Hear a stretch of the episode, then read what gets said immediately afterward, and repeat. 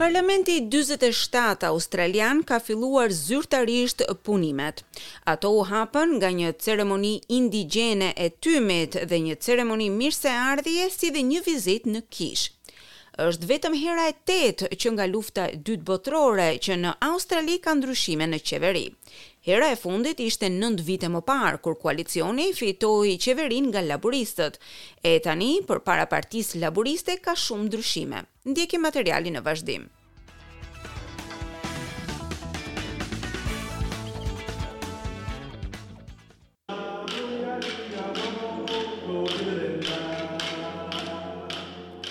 Parlamenti për këtë vit u hap me një ceremoni tymi. Ishte Qeveria Laburiste ajo e cila e bëri këtë ceremoni pjesë të hapjes së punimeve të Parlamentit në vitin dy mijë e tetë, e kryeministri reflektoi në lidhje me progresin që është bërë që atëherë. I acknowledge the record number of First Nations people who have been elected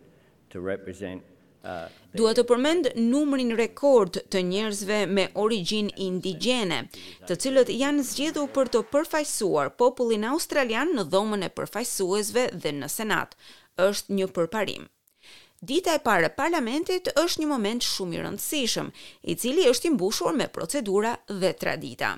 Përpara ceremonisë së tymit, kryeministri, lideri i opozitës e deputetë të tjerë marrin pjesë në një shërbim fetar në Canberra, ku përfaqësohen besime të shumta të krishtera.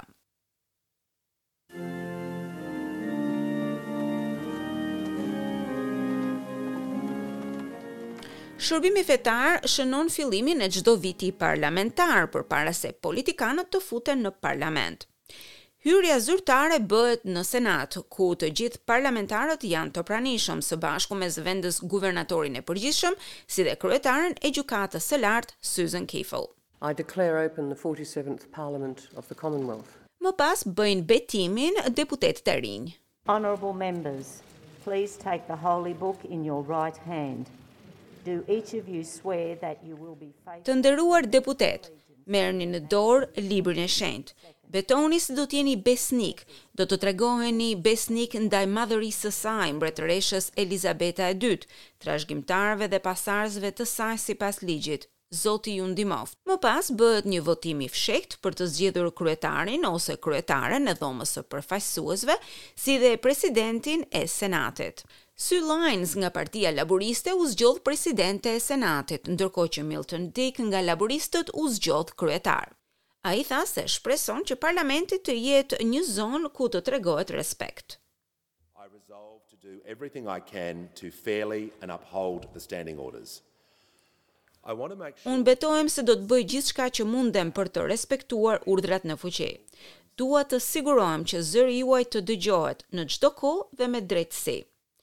Ndërkohë vjen momenti i interpelancës ku opozita dhe panelet e tjera i bëjnë pyetjet e tyre qeverisë së re. Dhe ky është testi i parë i cili fillon në ditën e dytë të parlamentit. Guvernatori i Përgjithshëm David Hurley, përfaqësuesi i mbretëreshës, më pas mban një fjalim në Senat të shkruar nga qeveria duke paraqitur agjendën e saj. The government knows this country faces serious and pressing challenges. The rising cost of living, Qeveria e di se ky vend po përballet me sfida serioze dhe urgjente, rritja e kostos së jetesës, rritja e pagave, ndryshimet klimatike, ndikimet e tij shkatërruese, tensionet në rajon, pasiguria në botë, presioni mbi sektorin e shëndetësisë, kujdesi ndaj të moshuarve dhe ekonomia, të gjitha këto kanë nevojë për energji të lirë dhe aftësi të reja. Guvernatori i përgjithshëm nuk është në gjendje që të futet në dhomën e përfaqësuesve për shkak të një tradite të gjatë në Mbretërinë e Bashkuar, ku në vitet një mijë e gjashtëqind monarku u përpoq të arrestonte disa anëtarë të Dhomës së Komunës siç njihet dhoma e ulët atje. E më pas parlamenti fillon punimet. Kësaj radhe ka deputetë të rinj. Sally Sitou i tha SBS-it se për të ky moment është shumë i rëndësishëm. We need to show that it's important to have the parliament more reflective of the communities in which they represent and Duhet të tregojmë se ka shumë rëndësi që parlamenti të përfaqësojë sa më mirë komunitetin. Le të mos harrojmë që dhoma e ulët e parlamentit quhet dhoma e përfaqësuesve e ajo duhet të përfaqësojë.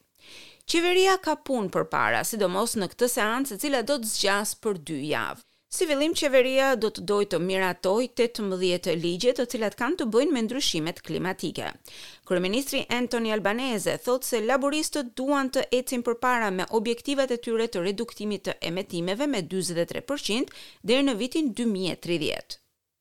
We have a mandate for it, we intend to pursue it, I'd say to both the coalition but also to the. Ne kemi një mandat për këtë çështje dhe kemi për qëllim ta ndjekim atë, i themi koalicionit dhe të gjithë australianëve të tjerë, sidomos komunitetit të biznesit, që ky parlament duhet të heqë dorë nga rrugët e vjetra të ndarjes. Por ndërkohë opozita thotë se nuk do t'i mbështesë këto objektiva. Por për të miratuar ndryshimet klimatike, Partia Laburiste do të ketë nevojë për bashkëpunimin e Partisë së Gjelbër. Udhëheqësi i Partisë së Gjelbër, Adam Bandt, thotë se ai është ende në pozicionin e negociatave dhe partia e tij kërkon veprime më ambicioze.